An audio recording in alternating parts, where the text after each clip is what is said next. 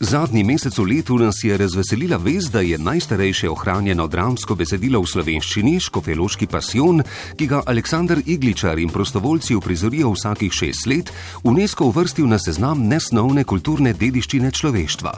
Fotograf Janez Bogataj je pripravil odmevno razstavo koncertnih fotografij iz 80-ih let, že dolgo se nismo videli.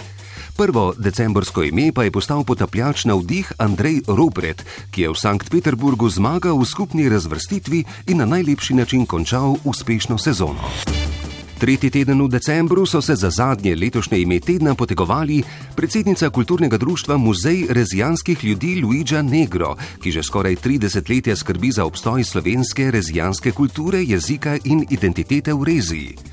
Vodja odseka za eksperimentalno fiziko osnovnih delcev na inštitutu Jožef Štefan Marko Mikuš, ki se je dolga leta prizadeval, da bi Slovenija postala del Evropske organizacije za jedrske raziskave CERN, kar jim je tudi uspelo. A zadnje letošnje ime tedna je postala smučarka Ilka Štuhec, ki je na šestih tekmah letošnje sezone kar štirikrat stopila na najvišjo stopničko. Dobitnica letošnje Ješkove nagrade za posebne dosežke na področju žlahtnega humorja in satire je vsestranska in neprizanesljiva ustvarjalka z izvrstnim smislom za humor Desa Muk.